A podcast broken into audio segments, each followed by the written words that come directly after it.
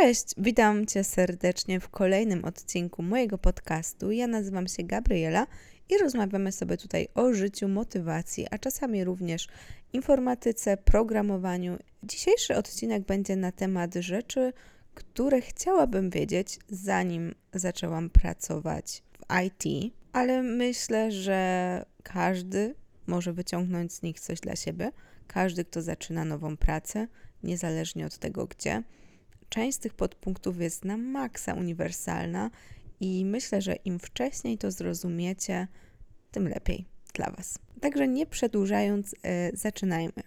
Po pierwsze, tego doświadczyłam dopiero pracując w dużej firmie, yy, ponieważ ja moją karierę, yy, karierę, jak to brzmi, zaczęłam od pracy w startupie i tam nie było to tak mocno widoczne. Natomiast firma, w której obecnie pracuję, to jest firma amerykańska, dość duża, nazywa się Qualtrics, jeśli ktoś jeszcze nie wie. E, I właśnie, dość mocno uderzył mnie fakt, że to ja jestem odpowiedzialna za swoją karierę. To znaczy, nie wystarczy robić dobrą robotę, żeby awansować. To nie jest tak jak mm, w szkole, że ktoś was, nie wiem, wyłapie, doceni i stwierdzi, że o tak, wy nadajecie się na wyższe stanowisko. Może w niektórych firmach tak jest faktycznie, ale z tego, co się orientuję w większości, to wy jesteście za siebie odpowiedzialni.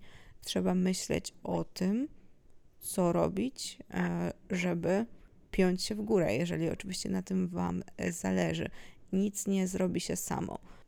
To jest trochę tak jak w życiu, no, za życie też jesteśmy sami odpowiedzialni i jeżeli nie weźmiemy e, go we własne ręce, jeżeli nie zaplanujemy sobie tej przyszłości, e, no to będziemy robić to, co inni ludzie dla nas zaplanowali. No a niestety nie wszyscy chcą dla nas dobrze. Nie mówię też, że chcą dla nas źle, ale wtedy będziemy pracować e, pod ich dyktando, czyli to będzie zoptymalizowane pod ich przyszłość, pod ich karierę, jeżeli mówimy tutaj o pracy. E, a warto jednak dbać o swoją karierę, no bo umówmy się, chyba każdy po części chce iść do przodu, do przodu, do przodu i do przodu. Dlatego trzeba mieć plan i go realizować. I właśnie takie przełożenie, że to ty musisz wiedzieć, co robisz i po co to robić, że wszystkie te działania powinny być sfokusowane na celu, to, to było dla mnie dość szokujące. Ja wcześniej byłam raczej przyzwyczajona do tego, że ktoś mi mówi, co mam robić, i, i ja to robię i robię to dobrze, i potem dzięki temu jestem doceniona, no bo taki schemat jest właśnie e, w szkole czy na studiach, tak? Mówią wam, co robić, jak to robicie serio e, z dużym zaangażowaniem, no to na ogół jesteście docenieni. I potem właśnie w pierwszej firmie, której byłam, również no mniej więcej tak to wyglądało, więc no dla mnie to była spora przepaść i trochę zajęło mi zauważenie tego. Jak już jesteśmy w tematyce awansów, to coś, co tyczy się stricte programistów, właśnie w takich dużych firmach y, i jest dość smutne, to nikt was nie awansuje za dobre kodzenie. E, trzeba czegoś więcej. I teraz e, nie zrozumcie mnie źle, bo pisać dobry kod trzeba, ale to jest po prostu wasz obowiązek. Jeżeli dostaniecie się do dobrej firmy, no to znaczy, że przeszliście bardzo długi proces rekrutacyjny, więc e, raczej wasze umiejętności techniczne zostały już po drodze sprawdzone i po prostu w tym momencie zakładamy, że wszyscy potrafią pisać dobry kod. Więc trzeba dać z siebie coś więcej. To jest trochę tak jak e, obecnie z językiem angielskim. No, wpisywanie sobie w CV, że zna się angielski na jakimś tam poziomie no dobra, no może jak ma się jakiś tam super certyfikat, no to można o tym wspomnieć, ale generalnie nie jest to już jakimś ogromnym plusem, bo mm, według mnie rozumienie i takie podstawowe komunikowanie się w języku angielskim to już jest w zasadzie obowiązek. Bez tego ciężko, gdziekolwiek jest ciężko. No i w przypadku programistów podobnie jest z programowaniem. Po to kończycie studia, żeby to umieć. No i I tyle. Dlatego bardzo ważne są takie umiejętności miękkie. Tylko, że umiejętności miękkie, które dopełniają te umiejętności twarde, które zakładamy, że wszyscy mają, nie? Więc mamy taki baseline i od tego rozwijamy się już niekoniecznie właśnie technicznie. Chociaż to też bywa zgubne, bo idąc tak mocno w taki rozwój umiejętności miękkich, można sobie zapomnieć, jak się kodzi, albo po prostu się w tym nie rozwijać i też zostać w tyle, i to na pewno się negatywnie odbije. No ale trzeba mieć e, na uwadze to, że trzeba rozwijać się no po prostu w każdym kierunku, nie tylko zamykać się na kod. Trzecia sprawa to rozmowy rekrutacyjne są bardzo proste. Zapisałam sobie tutaj taki podpunkt, ponieważ kiedyś tak ogromnie mnie to przerażało, tak mnie to paraliżowało, e, że do tego stopnia, że nie byłam w stanie ćwiczyć e, takich zadań algorytmicznych do rozmów. E, nie dlatego, że mnie się nie chciało, tylko po prostu tak bardzo mnie to stresowało, że ja już zaczynałam myśleć o tej rozmowie, no i po prostu podświadomie nie chciałam ich robić.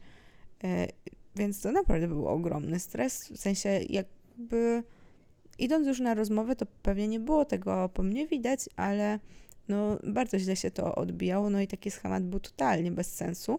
E, I teraz, no dawno na żadnej rozmowie nie byłam, ale w sumie nie, odkąd pracuję w Qualtricsie, no to y, był plan, że wyjadę do Microsoftu, do Pragi. Byłam tam na rozmowach i dostałam się nie chcę teraz rozwodzić się nad tym, dlaczego nie pojechałam, no ale tak, to już był taki okres, że już sobie na chillu pracowałam tu, gdzie pracuję teraz i już te rozmowy były dla mnie proste, więc jakoś tam e, pokonałam mm, tą traumę, bo to naprawdę można e, już w ten sposób e, klasyfikować, ale takim punktem najbardziej zwrotnym e, było to, gdy ja zaczęłam mm, prowadzić interwiusy. Nawet nie jak zaczęłam prowadzić, ale jak zaczęłam mm, cały ten proces szkolenia, żeby móc rekrutować ludzi, to wtedy po prostu w mojej głowie tak nagle mnie olśniło, że kurczę, to jest tak proste. I właśnie jak się siedzi z drugiej strony, no to dopiero wtedy to tak widać, że no naprawdę, może zależy też jak się jest przygotowanym, ale pod względem merytorycznym, no to ja po studiach byłam bardzo dobrze przygotowana i robiłam znacznie trudniejsze zadania normalnie niż właśnie są na takich rozmowach, ale po prostu w głowie nie wiem dlaczego, ale wytworzyłam sobie taki obraz rozmowy rekrutacyjnej jako, no nie wiem, po prostu jakieś, nie wiem, najgorsze możliwe zło. Nie wiem skąd ja to wzięłam. Czy ja się naoglądałam jakichś filmów, nasłuchałam jakichś głupot w internecie? Nie wiem. Naprawdę nie wiem, jak to się stało, ale urosło to w mojej głowie do mm, ogromnego problemu, a tak naprawdę rozmowa to jest coś, na co powinniśmy iść na luzie, pokazać się z jak najlepszej strony i zobaczyć też, czy firma y, nam odpowiada. To powinno działać z dwóch stron. To jest tak, że z jednej strony ktoś ocenia nas, a z drugiej strony my oceniamy to miejsce. I albo jest mecz, albo nie ma macza i y, trzeba wtedy iść szukać pracy gdzie indziej, tak, no bo wtedy obie strony y, męczyłyby się. I taka kolejna rzecz y, to czasami jak się gdzieś nie dostaniecie, to wręcz lepiej dla was.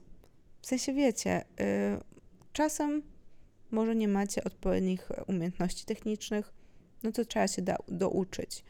I gdybyście się dostali, no to bardzo byście się męczyli, źle byście się czuli, dostawalibyście złe oceny kwartalne i zdemotywowałoby to Was, więc czasem może lepiej skonfrontować się z tym, że nie jesteśmy jeszcze w miejscu, w którym chcielibyśmy być, douczyć się, no i wystartować ponownie. Albo drugi e, scenariusz, kiedy gdzieś się nie dostajemy, to może po prostu nie pasujemy do tego miejsca, bo do firmy według mnie trzeba pasować i jeśli do jakiejś nie pasujecie, no to jest milion innych. No i nie ma co się upierać, trzeba szukać dalej i znaleźć takie miejsce, które Wam będzie odpowiadać i Wy będziecie odpowiadać temu miejscu. Czwarty podpunkt. Wszyscy się stresują, tylko nikt o tym nie mówi. Kurczę, mnie się nieraz wydawało, że ja umieram ze stresu i wszyscy to widzą, a na zewnątrz nie widział tego nikt. I raz zdarzyło mi się powiedzieć, jak bardzo się stresuję, i okazało się, że inni się też tak bardzo stresują, albo nawet bardziej w tej samej sytuacji. Tylko nikt o tym nie mówi i tego po nas nie widać. W sensie ja nie widzę tego po innych ludziach, a inni ludzie nie widzą tego po mnie. I to jest coś, co przeżywamy wewnętrznie. I temat radzenia sobie ze stresem to jest e, na zupełnie oddzielny odcinek, ale chciałabym Wam tylko tutaj zaznaczyć, że nie jesteście sami, że każdy się tak czuje, tylko nikt tego nie pokazuje. I po Was też prawdopodobnie tego nie widać, więc nie martwcie się, jeśli myślicie, że wszyscy to widzą, bo raczej tak nie jest. To jest walka, którą toczycie we własnej głowie, a na zewnątrz wygląda to naprawdę spoko. Także jak stresujecie się tym, że widać, że się stresujecie, to się chociaż tym nie stresujcie. No. Piąty podpunkt. Wszystko da się zrobić. Takie proste, ale takie prawdziwe. Gdy zaczynałam pracować i dostawałam jakieś trudne, przynajmniej z mojej perspektywy, zadanie, albo w ogóle sama sobie je wybierałam, ale było ono dla mnie trudne, to dla mnie mm, była taka przepaść między tym, gdzie jestem obecnie, a między tym, że zadanie jest zrobione. I po prostu no, to było dla mnie przerażające. A teraz myślę sobie, że nieważne, co bym miała zrobić, nie wiem, nawet zbudować rakietę kosmiczną, to ja nie widzę tej przepaści między mną teraz, a mną z rakietą kosmiczną, tylko widzę taką drogę po prostu. Długą, bardzo długą, jeśli chodzi o rakietę kosmiczną i bardzo drogą, ale wiecie, chodzi mi o to, że po prostu nie widzę jeszcze tych um, konkretnych kroków, ale widzę już jakiś początek i widzę tą linię, nie? że po prostu no wiem, że jak trzeba, to zrobię. I jak trzeba, to zrobię wszystko. I w ogóle teraz nie widzę rzeczy niemożliwych. I to się fajnie przekłada potem na życie, bo jak się zdobędzie taki mm, problem solving skills, to, to one się też fajnie przekładają na życie, bo nie ze wszystkim tak jest, nie? Na przykład z dyscypliną możecie być bardzo zdyscyplinowani co do y, treningów, a y, totalnie zawalać, jeśli chodzi o, no nie wiem, no nie wiem, na przykład trzymanie diety albo o jakieś inne sfery waszego życia. Nie przekłada się to tak łatwo, a akurat uważam, że taka umiejętność rozwiązywania problemów i wchodzenia jak nie drzwiami, to oknem, jak nie samemu, to z grupą, jak, e, jak samemu nie dam rady, to zapytam kogoś e, i wyszukiwanie po prostu miliona różnych rozwiązań, to się super przekłada na życie i mm, polecam. Szósty podpunkt, warto pytać. Znowu to jest taki banał, ale ja kiedyś nie pytałam wcale. Wszystko odbierałam w ten sposób, że jeżeli ja czegoś nie wiem, to znaczy, że mam braki y, i, i że jestem w ogóle bez sensu i, i powinnam się douczyć. Często tak jest, że faktycznie mam jakieś braki, ale i tak można wtedy pytać. A jeszcze częściej jest tak, że nie wiecie czegoś, bo ktoś wam po prostu nie powiedział i, i, i trzeba zapytać. No bo inaczej się nie dowiecie. W sensie dowiecie się samemu, ale zanim dotrzecie do tej informacji, minie na przykład pół dnia. A jak zapytacie kogoś, no to stracicie na to 15 sekund, plus ta osoba straci też 15 sekund na odpowiedź, bo często to jest taki banał dla właśnie tej osoby pytanej. No i, i patrzcie, ile czasu zostało zaoszczędzone z punktu widzenia firmy. Więc warto pytać, nawet jak myślicie, że jesteście wkurzający, no to, no to pewnie jesteście wkurzający, ale wszystkim tak naprawdę wychodzi to na dobre. Bo jak się na początku dużo będziecie pytać, to potem szybciej będziecie samodzielni, więc naprawdę wszyscy na tym zyskają. Trzeba być na początku trochę wkurzającym. I ja naprawdę byłam taką totalną skrajnością mm, i bardzo tego żałuję. I to jest coś, co można ćwiczyć już na studiach, bo ja zawsze się nie odzywałam za bardzo. to wynika z jakichś tam ograniczeń e, w, głowie i postrzegania własnej osoby, które tak czy siak trzeba przepracować, żeby móc się rozwijać.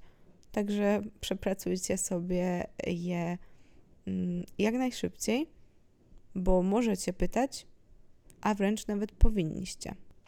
Ostatni punkt to to, co najbardziej cenią ludzie, i mówię tutaj głównie o ludziach, którzy są ponad wami.